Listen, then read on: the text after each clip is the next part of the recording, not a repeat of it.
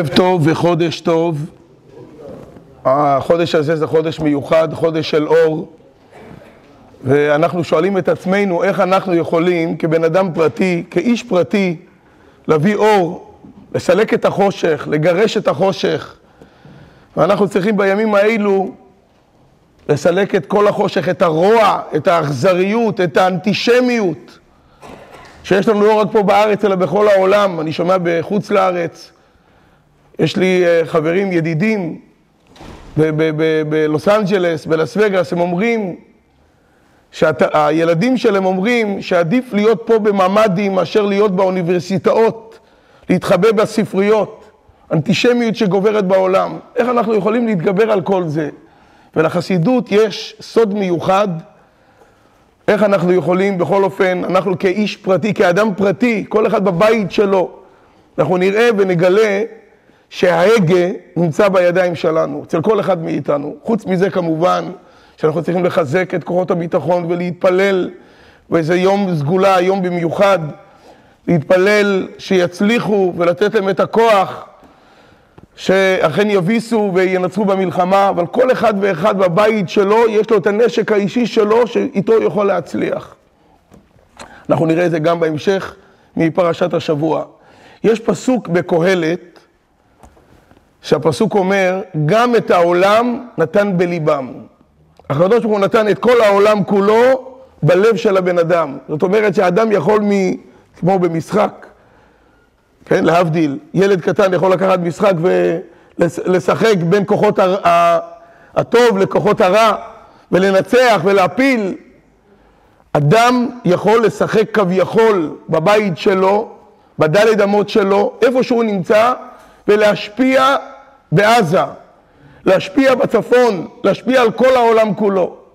גם את העולם נתן בליבם, כך אומר שלמה המלך בקהלת, שהמשמעות הפנימית של זה, הכוונה היא שכל העולם נמצא בידיים של האדם כמו ההגה של המכונית, שהוא יכול להחליט, לקחת ימינה, לקחת שמאלה, לנסוע קדימה, לנסוע רוורס, לעמוד. ההגה נמצא בידיים שלנו. וזה על הבסיס שגם דוד המלך אומר בספר תהילים, אחרי הפסוק הידוע, המפורסם, שאנחנו תמיד חוזרים על זה, הנה לא ינום ולא יישן שומר ישראל. אומר דוד המלך, השם שומרך, השם צילך על יד ימיניך. להשם צילך יש שתי משמעויות. משמעות אחת, הוא הצל שלך, הוא המגן שלך. ויש לזה גם משמעות הוא הצל שלך, איפה שאתה הולך, כך הולך גם הצל. אם אתה תחליט לעשות טוב, אז אתה יכול למשוך טוב לעולם. אם אתה תחליט להתגבר על הרע, אתה יכול להתגבר, להביא, להתגבר על הרע בעולם כולו. הרע והטוב נמצאים גם בליבו של האדם. היצר הטוב והיצר הרע. מלחמת היצרים, איפה אנחנו רואים את זה? רואים את זה גם בפרשת השבוע שלנו, פרשת תולדות. מגיע מזל טוב, ברוך השם, רבקה שהייתה עקרה הרבה שנים, היא הרתה, היא נפקדה, היא מאוד מאוד שמחה. אבל מה קרה אחרי כן? נהייתה עצובה. עד כדי כך שהיא אמרה, למה לי ההיריון הזה? היא הייתה עוברת ליד uh, בית כנסת, היא הייתה מרגישה שיש רצון, תשוקה של העובר לצאת. אחרי זה היא הייתה עוברת ליד אה, בית תפלה, להבדיל אלף אלפי הבדלות, של מקום של עבודה זרה. שוב פעם העובר רוצה לצאת. היא לא מבינה מה הולך פה. יש לה הריון, סוף סוף, ברוך השם תקין. היא הולכת עוד מעט ללדת בשעה טובה. ילד שימשיך את המסורת של יצחק, של אברהם אבינו, ממנו יצא העם כולו. היה, הייתה את ההבטחה שיהיה עם גדול. אז היא כבר מחכה לרגע הזה. פתאום הגיעה לכזה רגע שהיא כזה עיבוד. היא לא ידעה מה, מה עושים פה, היא לא מבינה מה קורה. פה הוא רוצה לצאת ופה הוא רוצה לצאת. מה הילד הזה, הוא טוב או רע? מה, מה קורה איתו? רוצה לצאת למקום של טוב או רוצה לצאת למקום של רע? למקום של עבודה זרה, למקום שמלמדים על שחיתות, להשחית, להשמיד, להרוס. מה, מה, מה הולך איתי? הלכה לשאול, ותלך לדרוש את השם. ואז אמרו לה, אין לך מה לדאוג, יש לך שניים. שני גויים בבטנך. הבן, הבן אדם עצמו, כל אחד מאיתנו גם יכול לשאול את עצמו, מה קורה? יום אחד אני קם, ויש לי רצון ותשוקה, ואני רוצה ללכת לשיעור, ואני רוצה לעשות טוב, ואני רוצה לתרום, ורוצה להתנדב, ויום אחד אני קם הפוך. ויכול להיות באותו יום גם שתי הרגשות ביחד. יכול להיות גם מצב גם שאדם עומד בתפילה, ומתחיל את התפילה ברגל ימין, ופתאום נכנסת לו איזושהי מחשבה לא טהורה. חושב לעצמו, מה קורה לי? זה אני או לא אני? אומרים לו מה שענו לרבקה, שני גויים בבטנך. יש לך שתי נפשות, שני יצרים, יצר טוב ויצר הרע. והמטרה היא שהיצר הטוב יתגבר. הוא לא צריך לירות על היצר הרע. הוא לא צריך לקחת סכין ולהרוג אותו. מספיק שהוא יוסיף באור. מספיק שהוא יתגבר בצורה טובה. ולהוסיף באמירת פרק תהילים, להוסיף בתפילה, להוסיף בכוונה, לדחות מחשבה שלילית, לדחות דיבור שלילי. יום שישי האחרון, לא עלינו, נפל אחד מהטובים שלנו, יוסי הרשקוביץ, שהוא היה לוחם גדול, ולפני שהוא יצא לקרב, הוא עשה סרטון ושלח את זה לתלמידים שלו. במקש מהם דבר אחד. אמר להם בעצם, זה פונה לעם ישראל, ואומר, אני מבקש שתדברו רק טוב, שלא תדברו לשון הרע. האויב לא מבדיל בינינו, בין ימנים לשמאלנים, בין חרדים לשאינם חרדים. הוא רואה עם ישראל, יהודים.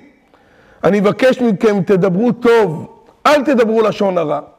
כמה זה חשוב. מאיפה יש את הכוח הזה? פרשת השבוע שלנו. שני גויים בבטנך, ושני לאומים ממאייך ייפרדו, ולאום מלאום יאמץ. כשאחד מתגבר, השני נופל. אין מצב ששניהם למעלה. אין מצב, שני, מצב סטטי. כך כתוב, כשאדם אוהב את הקדוש ברוך הוא, אז הוא ממאס ברע. אם הוא אוהב לו עלינו תאוות וחומריות וכל התאוות של העולם הזה, אז גם האהבה שלו לקדוש ברוך הוא גם יורדת. אנחנו אומרים את זה אגב בתפילת העמידה, משיב הרוח ומוריד הגשם. כשאנחנו מרימים את הרוח, את הרוחניות, הגשם, הגשמיות, לא חס וחלילה הברכה, הגשמיות יורדת. וזה יעקב ועשיו, ששניהם מסמלים את הטוב ואת הרע. אצל כל אחד יש איזה, גם את העולם נתן בליבם, לכל אחד מאיתנו, וכל אחד יש לו את האפשרות להתגבר על הרע. וכשהוא מתגבר על הרע בפנים, הוא, גוב, הוא עוזר להגביר את הטוב על הרע בעולם. בעצם מוריד את הכוח של חמאס ושל כל אלה האויבים ושל כל האנטישמים, כאלה שהם כלואים וכאלה שהם נסתרים. זה יש לנו את הכוח מפרשת השבוע שלנו. אבל יש לנו פה גם מסר מהפרשה מאוד מעניין, שלכאורה שאלה עצומה ביותר. אנחנו רואים שיצחק, האבא, למרבה הפלא, רוצה לברך דווקא את עשיו. הרי מיד הפסוקים מיד אומרים שיעקב היה איש מתוק, איש תם יושב אוהלים, ידע מה זה בית, ידע מה זה להקים משפחה, ידע מה זה לעשות טוב, לתת, להעניק, זה מה שהוא ידע. היה איש טוב. מה עשיו? הוא לא ידע מה זה בית. איש שדה, איש יודע ציד איש שדה. בהתחלה היה צד בעלי חיים, אחרי זה היה צד אנשים, היה מתעמר באנשים ונשים, ריבונו של עולם, היה רוצח, עבר על כל האיסורים של בין אדם למקום ובין אדם לחברו. היה בן אדם קשה ביותר. ויצחק רוצה לברך את עשיו. למה? יש בזה כל מיני הסברים שלא ניכנס לזה. כתוב אה, שעשיו ראה את הפוטנציאל של, אה, סליחה, יצחק ראה את הפוטנציאל של עשיו ורצה להפוך אותו, רצה לגלות בו את הטוב. אני רק אגיד אה, דבר אחד שכתוב בחסידות, דבר מעניין מאוד. כתוב שעשיו רצה למנוע את הקבורה של יעקב במערת המכפלה. הם שניהם נולדו באותו יום, וגם נפטרו בסופו של דבר באותו יום. מה היה? יעקב נפטר בגיל 147, ובאו לקבור אותו במערת המכפלה. בא אחד והתנגד, מי זה היה עשיו? עשיו אמר, הקבורה במערת המכפלה זה החלקת הקבר האחרונה וזה שייך לי. אני הבן של יעקב וגם אני רוצה אותה. אה? הבן של יצחק ואני גם רוצה אותה. בקיצור, התחילה התגרה שם. מה עשה הנכד? חושים, הבן של דן, הנכד של יעקב, לקח מיד חרב והוריד לו את הראש, גמר את העניין. הראש שלו התגלגל. לאן הוא התגלגל?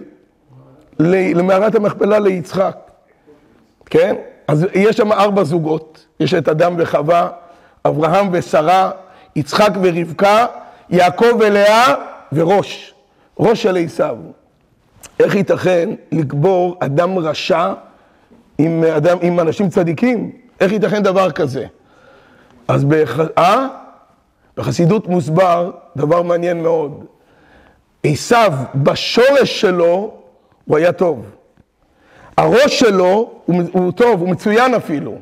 כשהראש אבל מחובר למטה, לגוף, אז הוא רע, הוא קטסטרופה, הוא מסוכן. וזה מה שרבקה ראתה. רבקה ראתה את עשיו כמו, כמו שהוא מחובר לגוף. היא אמרה, יצחק לא יכול לברך את עשיו. יעקב הסתכל כל הזמן על עשיו, על הראש שלו. על המהות, על השורש שלו. הוא אמר, בשורש שלו הוא טוב. ולכן הוא רצה גם לברך אותו. בסופו של דבר, הפסוק מספר בפרשה שהקדוש ברוך הוא הגיע מצב שיצחק הפסיק לראות, לא עלינו היה עיוור. איך אנחנו קוראים לעיוור? בשפה שלנו? סגי נהור. סגי נהור, הרבה אור. אז גם כדי לומר את זה בלשון יפה, ולא לומר משהו שלילי, חיסרון, וגם כי אומרים שבאמת לעיוור, למה הוא, לא, למה הוא לא רואה? כי יש לו הרבה אור. העיניים שלו, כלי העין, הם לא כלים להרבה אור שיש לו, יש לו עוצמה גדולה מאוד, ולכן הוא לא מסוגל. כל פנים יצחק התעוור בסוף ימיו. למה הוא התעוור? הוא התעוור כדי שבסופו של דבר הברכות יעברו ליעקב ולא. ולא לעשיו.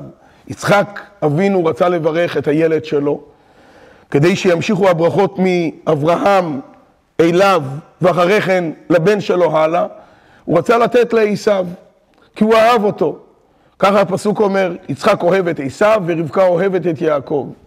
ויצחק מבקש מהבן שלו שיכין לו אוכל, מטעמים, והוא יברך אותו.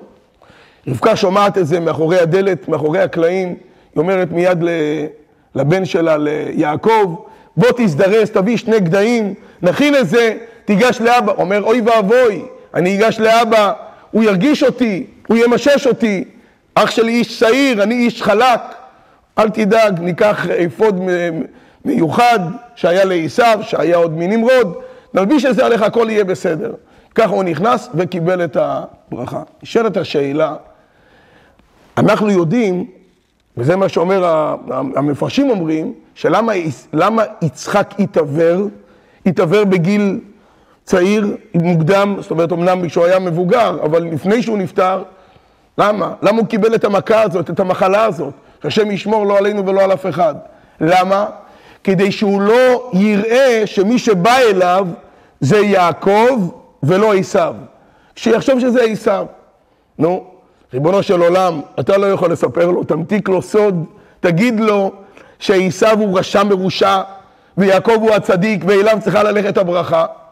למה אתה לא מספר לו?